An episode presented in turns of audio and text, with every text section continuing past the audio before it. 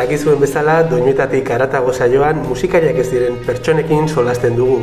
Haien abesti gogok honen artean murgiltzen gara eta galetzen diogu zergatik aukeratu dituzten abesti horiek eta zergatik direla inbereziak.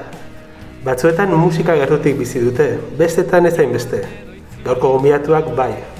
Esan dezakegu odolean daramala musika, ongi etorri Joseba Larratxe. Eskerrik asko.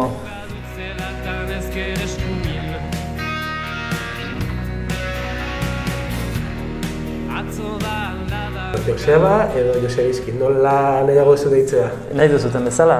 Joseba jaiotzeko izena da eta Josebizki ez izena. E, ez izena familia jarritakoa gero lagunek erabiltzen hasi ziena eta azkenan erabili nuena sinadura artistiko bezala.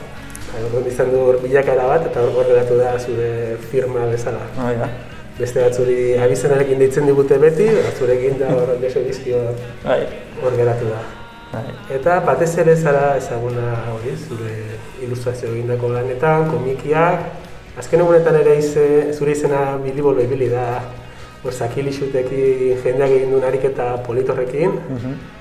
baina, bueno, gaur musika zitzen dugu eta uste dut oso musika zalea zarela. Bai, oso musika zalea naiz eta eta izan naiz betidanik bai, urbi, egia santzuk esan duzun bezala, urbiletikan, urbiletikan ukitu nahuen gauza bat izan delako, e, patuaren zoriaz, ez dakit horrela esan daiteken. Beti-beti egiten dugun lehenengo galdera izaten da, kosatu zaizu laba beste hauek aukeratzea, edo orain honetan bazen buruan izan zitezkela Ez egit igual abestiak zure kasuan, baina taldeak agian bai. Bai, e, etzai gehiagik kostatu, baina e, etzai gehiagik kostatu hasieratik garbi neukalako ezin nuela e, nire gustokoenak diren laukanta aukeratu. Bai. Orduan, beste kriterio bat aukeratu behar nuen, eta saiatu naiz, e, nik e, musikarekin izan dudan harremana definitzen duten lau talde, eta lau talde horietan ba, laukanta ba, aukeratzen.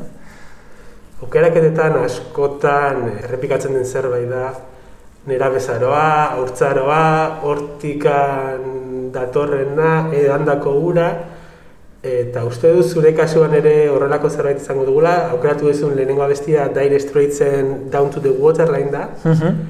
eta uste dut e, aipatu diazunagatik aurretik e, familiatik datorren saltasun bada Dire Straits. Bai, e, bueno, azteko esango nuke e, nahiko genero anitzak gustatzen zaizkidala edo hmm. nahiko genero anitzak entzuten ditu dela, baina onartu behar dut baldin badukat kutxunik hori roka dela bere adiera zabalenean.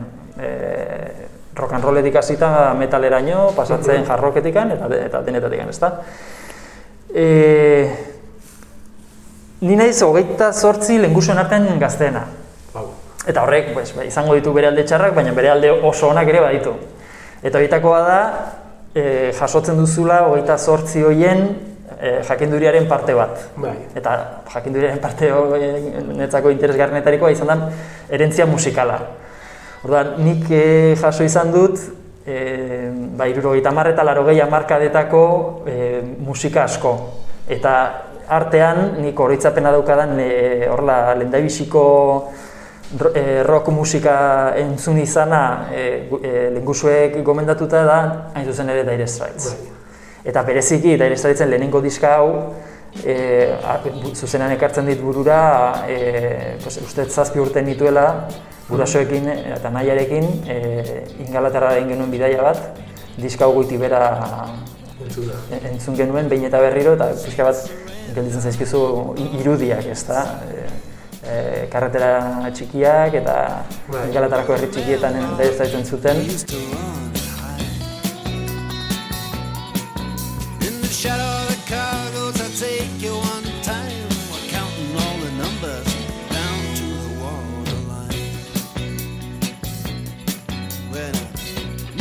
ez zaitzen zuten. kisses in the darkness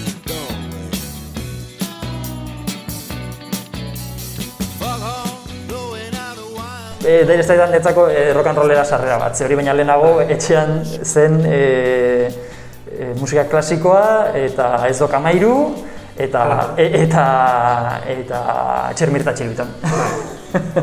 Hori ez, Dire Straits e, zure kasuan berezik da, baina bai da beste asko bai, hor, e, rokan sartzeko talde horietako bat ez, badaude beste batzu, beste estilo batean, baina badauka hori Dire Straitsek gauzatxo bat, mhm.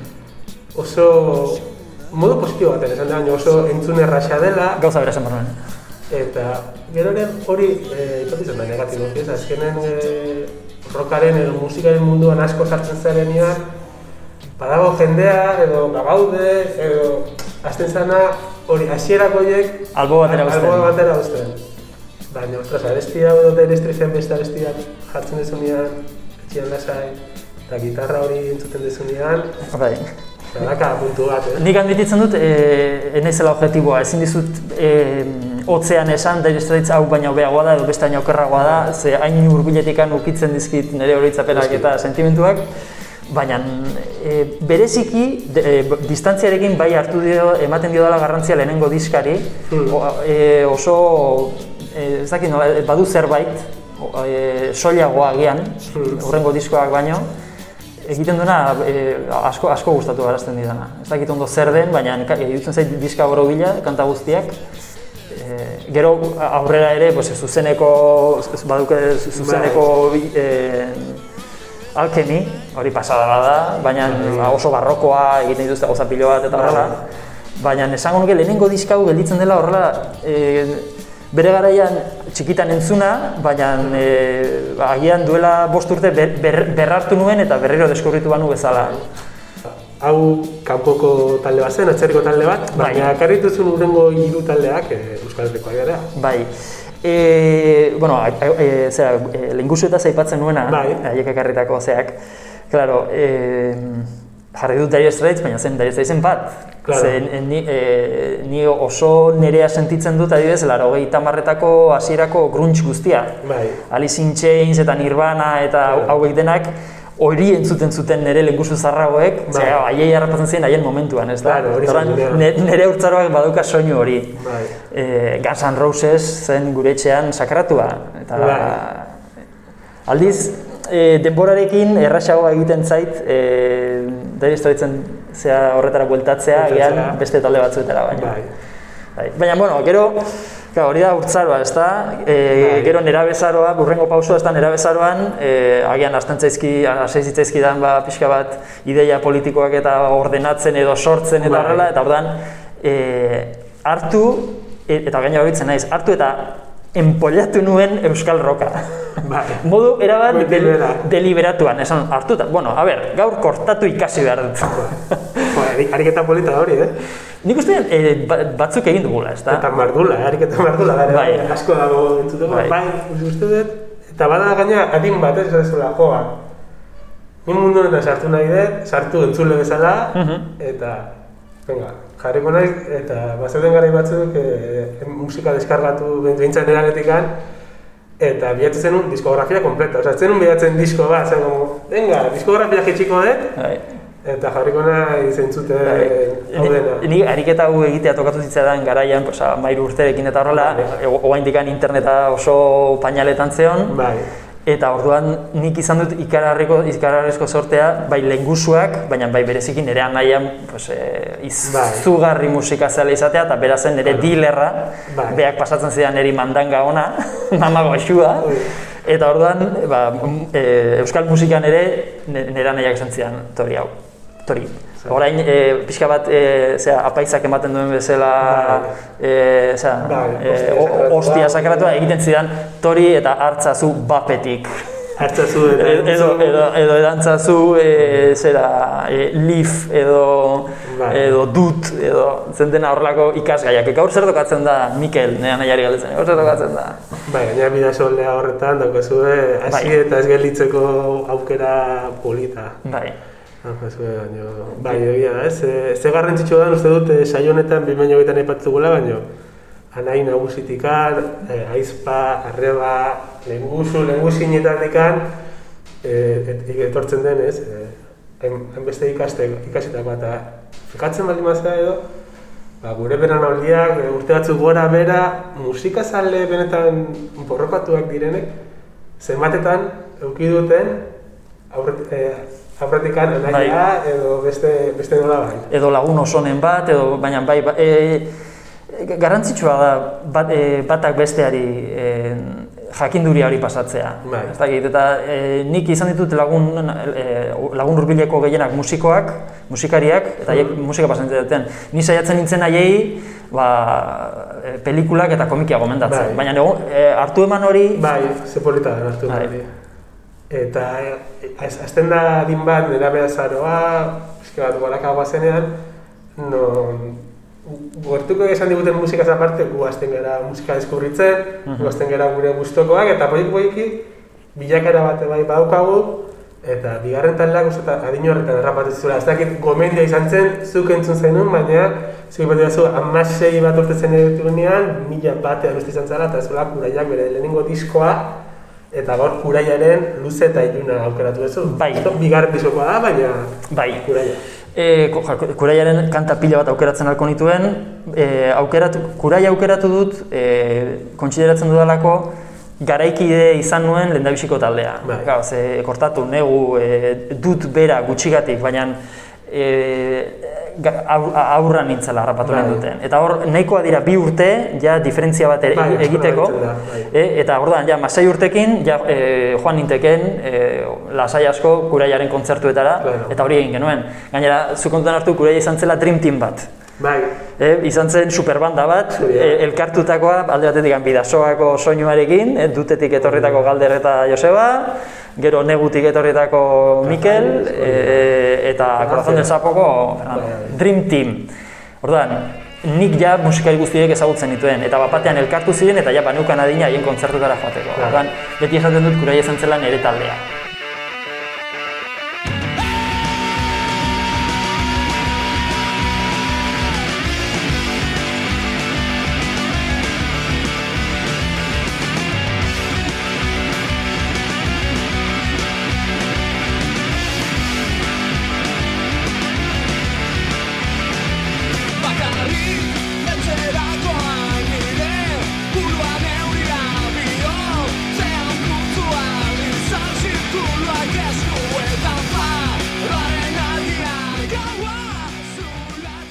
Eta e, dudetan nintzen ze kanta aukeratu, eta aukeratu izugarri gustatzen zen kanta bat, baina gainera nire ustez pandemia gara hauetan oso aproposa dena, ze, da luze eta iluna izena du, eta galdetzen du tunelaren zein aldetan zaude. Eta pixka bat da, nik uste e, pandemia ditxososko asunto guzti hau egiten ari zegu luzea, eta askotan ezakigu gauden e, pasatzen, edo oraindik okerna falta den, edo pixka bat da, e. egoera txar batean etxipen hori, ez? Bizka bat egiten zaitu hortaz, hortaz joa Gero ere, kudaia ez hitz egiten ari garela, esan dugu hau dela bigarren diskoko abestia, baina gero egin zuten ere epe labur bat, piztua piztia, bai. bakarren ere tonera e, piztua piztiaren portada. Mm. Ze, ezagit, imaginatzen dut guztoko izango dezuela portada bai. hori, ez da? Kanta bere izugarri gustatzen zait, piztua piztia. Bai. E, egin nuen gari batean gaztezulorako horrelako komiki sail txiki bat, bai. e, zela hartzen nuen gustatzen zitzen kanta bat eta bideoklip moduko komiki bat egiten nio, eta deitzen nuen komiklip. Bai. Eta uste egin ditula sei, baina banituen beste bi, e, bizpairu e, kanta burutan eta bitako batzen piztu da piztia. Oso gustora egin nuen kanta horren bideoklipa. Bai. Enuen olako dragoi bat imaginatzen piztia, bai. beste modu batera egingo nuen, baina bai bada zea bat, ez gauza bat, gainera diska nola azten den e, sarrera horrekin, eta gero nola lertzen den bai. piztua biziaren kanta. Diska horretako azkenengo kanta, leherketa ere, pasada bat. E, dudetan nion, ea leherketa jarri edo ez, baina azkenean e, luze, luze eta ilun aukeratu dut pandemiaren asuntaren gatikan, baina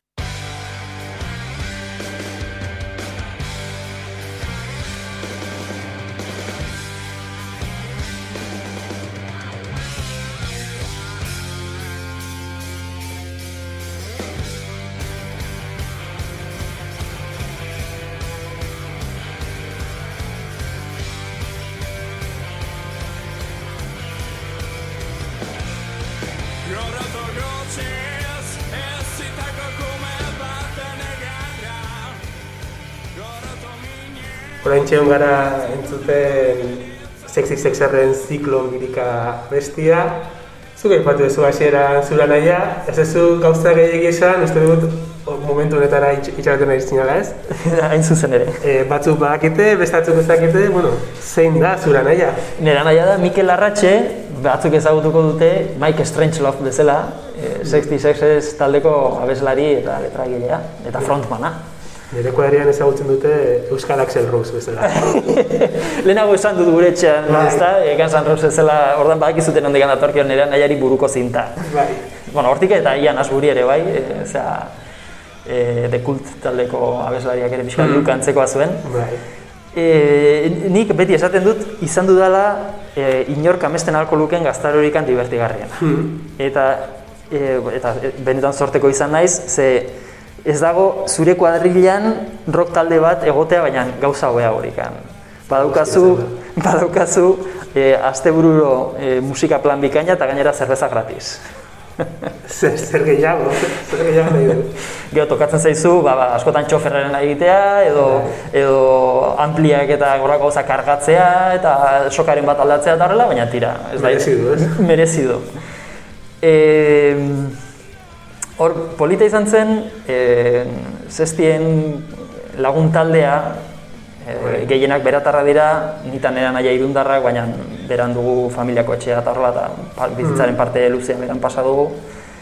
Eta, eta lagun taldea sortu zen e, musika itzaki, e, horrela, den da biziko, ba, e, zestiko julen gitarrista txikitako laguna da, beratarra, bai.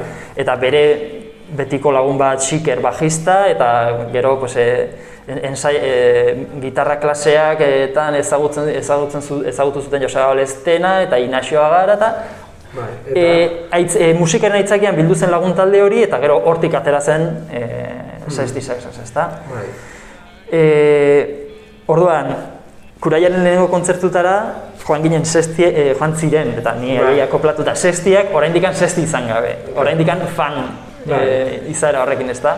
Hor gertatzen da gauza bat, nire ustez, Euskal Herrian gertatzen dena, e, dela Euskal Herriak duen tamainaren gatikan, e, albidetzen du, e, nahiko erresa dela, noizbait idolo izan duzun pertsona bat gero ezagutzea. Bai, bai. Eta hor, niretzako oso polita da, sestien aitzakiarekin, ba, hasiera nola joaten ginen, kuraiaren kontzertutara, eta gero nola sestiek ematen zituzten kontzertuak kuraiarekin batera, claro. kartel berean eta nola pues, bukatu genuen kuraiako denak ezagutzen, eta eta hori oso, oso polita da, eta nire ustez e, horrelako, horrelako eskalan gertatzen da, ezta? Eta, eta be, Euskal Herria batzuntzako txikia da, eta bere alde txarrak izan ditzazke, baina bere alde honak ere baditu claro. eskala honek, eta apreziatu behar ditugu, nire ustez. Ez izu kompromisa jarriko zuri galetzeko zenbat aliz ikusi dituzu, baina bueno, bakigu askotan ikusiko zenitu da ba, Ba, hasieran beti, Claro. Batez ere hasieran beti gero egia da haien azkenengo diskaren etapan, pues e, zea, ni Barcelona da nintzen urte beterako eta pixka bat bai. ba, gutxiago, baina lehendabiziko kontzertu askotan izat, e, e, izaten zen, ba, ba, nola dena, ba, agian taberna batean kontzertu bat, eta daude lau ikusle eta ni. Bai. Eta orduan ni izaten nintzen pixka bat el animador. Bai, aurrean jartzen dena. Aurrean jartzen dena dantzan hasten dena eta pixka beka eta orduan eh hori hasieran hori zen nere figura. Bai. Gero bukatu nuen eh argazkiak eta bideoklipak egiten. Bai. Orduan sestien bideoklipak nik egin ditut. Mm paper hori jarri nion nere buruari, bueno, zeo zein beharko de talde hontan, zerbeza irabazteko. Eta hori egin. Ez da gutxi, zerbeza asko irazita daude horrekin. Ziklon berria, oza, ziklon birika, uste dut leheno bai ziklon berria, esan dutela, ziklon birika esan berra, baina hori. Ziklon birika bestiko bideoklipare ez dugu egin duzu? Bai, e, hori izan zen sesti egin nuen azkenengo bideoklipa, ir, uh -huh. irugarren diskokoa, Hero Mantra. Eta da, pixka bat, e, se, e, enuen ikaragarrezko bibilbide luze egin bideoklipak egiten, eh? Hmm. E, guztira amagos bat egin nituen edo horrela, denak ziren edo sextienak edo sextien inguruko taldeenak, ezta? E, baina esango nuke ziklon dela egin nuen oberenetariko bat, ja ikasi mm. nuen desente eta ez da beste munduko birgeria, baina nari gara hitz egiten oraindik ba, e, irudi digitala nahiko nahiko hasi berri zegoen garai batetaz. Bai. Gaur egun asko irudi kalitatea beagoa dauka edozein mobilek. Ja, e, baina bueno, e, e, genitun medioekin nik uste nahiko txukunak egin, egin, bai. egin genituela.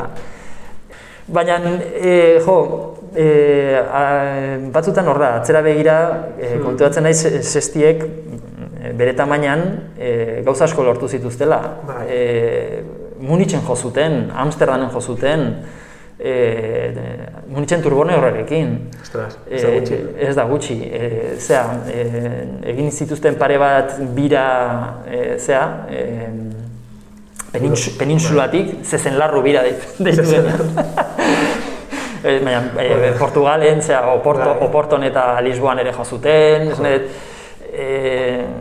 txoro txoro gauza asko egin zituzten zestiek eta ikaragarrizko nik bai daukadala arantza eta guain esplikatzea izuanean zuk ere izango duzu ze prestatu zuten duela urte bete bira txiki bat oh. olako ba, berriro kontzertu bai. batzuk ematea baina pandemia zikinak e, ber, bertan bera utzi zuen eta bakarrekan joal izan zuten lehenengoa izan zela pixka bat e, beroketa kontzertu bat, ez, ez zutela ez da anuntziatu ere, claro. zean e, berako katako estatuan eman zutela, eta horren ondoren, urrengo aste bukaran, denak etxera, eta bazituzten beste iru, iruz palau kontzertu kantzelatuta. Bai. Beira nik nekala galdetu, ez galdetu, etakoa, eta kompromisoan ez gatik enun pentsatu egitea, zan, itzuliko alda noiz bain, ba, beti, itzuliko alda noiz bain oasis bezala izaten dela, ez, ba, Bueno, ez dut galdera egingo, baina hor geratu da bai. zen bota dezuna. Hori da. Eta ipatu ez du atzera begira, baina sexti, sex erretikan aurrera begira, Joseba Belenuar dago, Joseba Balestena, guk ere aurrera egin behar dugu denbora agorte horretikan, Zaukratu ez urrengo abestia, Joseba Belenuarrena da, miren arbaitzarekin batera egin zuen abesti bat, Konta eguzu, zergatik, Joseba, zergatik jarraitzen dugu berako mundu honetan? E, bueno, hasieran esan dizudan bezala nahi nuen rokarekin daukada, dauka, edo dau, izan dudan e, harremana definitzen zuten kanta batzu jarri, nahi nuen jarri Joseba Belenuarren e, kanta bat, hain zuzen ere delako pixka bat e, historia guztionen oraina, ez da? E, sestietatikan e, bere bide profesionala musikan egin duen bakarra e, Joseba da, beste beste pa, beste partaideko oraindik jarraitzen dute haien gauzatxoak egiten eta eta eta beti izango dute musikarekin harremana, baina Josebak bihurtu du bere ogibide. Eta bueno, e, lehenago, lehenago zeakin esan dudan bezala, e, daireztaizekin esan dudan bezala, Josebarekin ere ezin naiz objektiboa izan. Enez pertsonerik oberena norbaiteri Joseba Belenuar gomendatzeko, ze, ze benetan eh en eso objetiboa, ezta? Bai, gertuko jendeekin ezin da. E, eta, eta badauka gauza bat e, magikoa dena, e, hola, e, ikusten duzunean e, entxegu lokalean kanta bat nola sortzen den. Hmm. Hor badago olako alkimia bat, e, ikusten duzu ez dakigu ondo nondikan inspirazio bat etortzen da, bai. eta riff bat ateatzen da, eta bat batean e, sartzen zaizu horrelako ikararezko subidoi bat. Eta ordan, e, hortik, bueno, hori jaz estien gara horrela zen ez da, baina bai. oraindik e, eh, Josebak hortik handarrai, eta ba, badukat, oso ikara, bueno, nire lagun mina dut Joseba, baina e, bereziki e, berekin, e, osea, berak musikan bezala nik barrazketan egin dut, nire bai. biok egin dugu gure afizioa, ofizio bihurtu, eta orduan e, oso identifikatuta sentitzen ez, ba, berak izan dituen e, zaitasun eta lorpenekin, ez da? Orduan, badaukagu harreman bat, pixka bat, elka, elkar ulertzen dugu, bakoitza bere arloan, baina bide, bideantzeko egiten ari garelako. Eta, hor, ba. claro. eta aukeratu dut kantau, be, nahi nuelako benetan zerbait e, oraingoa gomendatu, eta hau da e, Josebak eta Mirenek egin duten azkenengo kanta, mm e, leku bat munduan. Ikaragarri gustatzen zait, baina neske jartzen alko nuke e, Josebaren beste edozein kanta, ezta? Bai, Josebarekin e, diskografia jarri daiteke lasai asko, egin dituen instrumentala egin duen dena, e, jarri daiteke lasai asko. Bai. Eta, eta lehenago komentatzen nuena, ba, batzut, e, azken boladan e, saiatzen ari dela, e, zera, kanta onak egitea, ez da, Joseba zen esaten zuena, jo, batzutan, azken boladan, e, kontzeptua edo diskari ez dakize forma eta ez dakiz, ez, guazen bai, saiatzera kanta onak egiten. Bai. Gau, izugarri zaila da, ez da. Bai, hori, ze erraz esaten da, bueno, lasai, zu kantu hon bat egin eta ez da, eta horrela. bai, e, e, egintzazu tweet viral bat. Hori. Egite gauza batzuk e, bai. e, nola egiten bai, dira, ez, ez dago formula magikorik. Eh, sarrera gutxi saldu ditugu. Lortu sare sozialen bitartez, eh, sarrera guztia saltzea. Hori da. Bai, oraintxe jefa, oraintxe. ba, ezakit birala bihurtuko den, baina guk eh, agur esan behar diogu gaurko saioari, eta zen modu begoa, Joseba Lenuar eta maiz entzuteko leku bat munduan. Ezkerrik asko, Joseba. Egin, mila esker.